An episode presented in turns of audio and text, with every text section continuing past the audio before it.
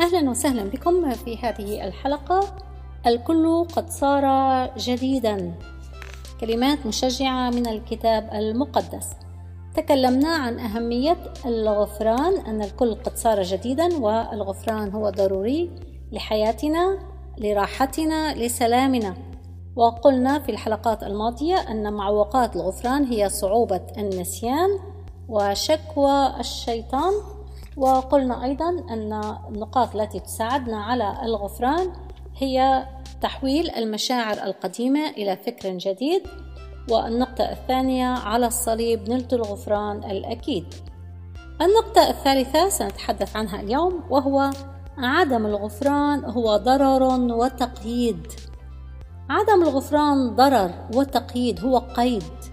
يعني حين تخيلوا أنكم تحملون كيسا من البطاطا أو البطاطس وهو عدم الغفران وحين تمسكون هذا الكيس معكم في كل مكان هذا الكيس يعفن وتصدر منه رائحة سيئة. فعدم الغفران هو بطاطا معفنة نحملها في كل مكان وتفوح رائحتها. لا تظن ولا تظني أيتها الإنسانة حين تحملين الحقد في قلبك أنه لن يظهر إنه سوف يظهر سيظهر من السلوك. في سلوكنا الإنسان الحاقد تبدو كلماته سامة وسلوكه المبنية على حقد من الماضي تبدو على قسمات الوجه وعلى دوافع. الإنسان يصبح الإنسان يعيش بدوافع بناء على الحقد الذي فيه وأيضا على النمو الروحي. فحين يكون عندنا عدم غفران فنحن نعلم أن هذا عدم الغفران هو عدم طاعة. كما قلت لكم في الحلقة الماضية حين نقول الصلاة الربانية واغفر لنا كما نغفر نحن للمذنبين إلينا نحن نعد الرب أننا نحن سنغفر للذين أو نحن غفرنا للذين أذنبوا إلينا بناء عليه اغفر لنا أيضا. ولكن حين لا نغفر فنحن نكذب على الله. ونكون نعيش في عدم طاعة. فيصبح الإنسان الذي عنده حقد ولا يريد أن يغفر لا يريد أن يقرأ كلمة الله. يتجنب أن يقرأ كلمة الله حتى لا يؤنب ضميره. فالفكرة أن كلمة الله هي مثل المرآة. حين نقرأ الكتاب المقدس كما أن المرآة هي مرآة لوجهنا الكتاب المقدس مرآة لحالتنا الروحية ولقلبنا. فالإنسان الذي يرى أن اليوم وجهي ليس جميل لا أريد أن أنظر إلى المرآة.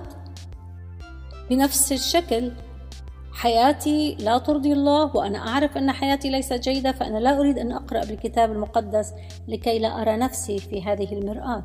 فإذا هي تعيق الحقد يعيق نمونا الروحي لأن نمونا الروحي يبنى على كلمة الرب. فإذا عدم الغفران هو ضرر وتقييد. هو يضرنا. يضرنا صحيا يضرنا نفسيا يضر في علاقاتنا الاجتماعية يضرنا من كل الجهات. فنحن يجب أن نتخلى عن عدم الغفران حتى لا نضر أنفسنا أولا. النقطة الرابعة الغفران طاعة للرب المجيد. الرب يقول لي النقمة أنا أجازي يقول الرب. يعني أي أمر نسلمه للرب الرب يعرف كيف يدبر الأمور. ما علينا إلا أن نقول يا رب أنت ترى والرب يحامي عنكم وأنتم تصمتون.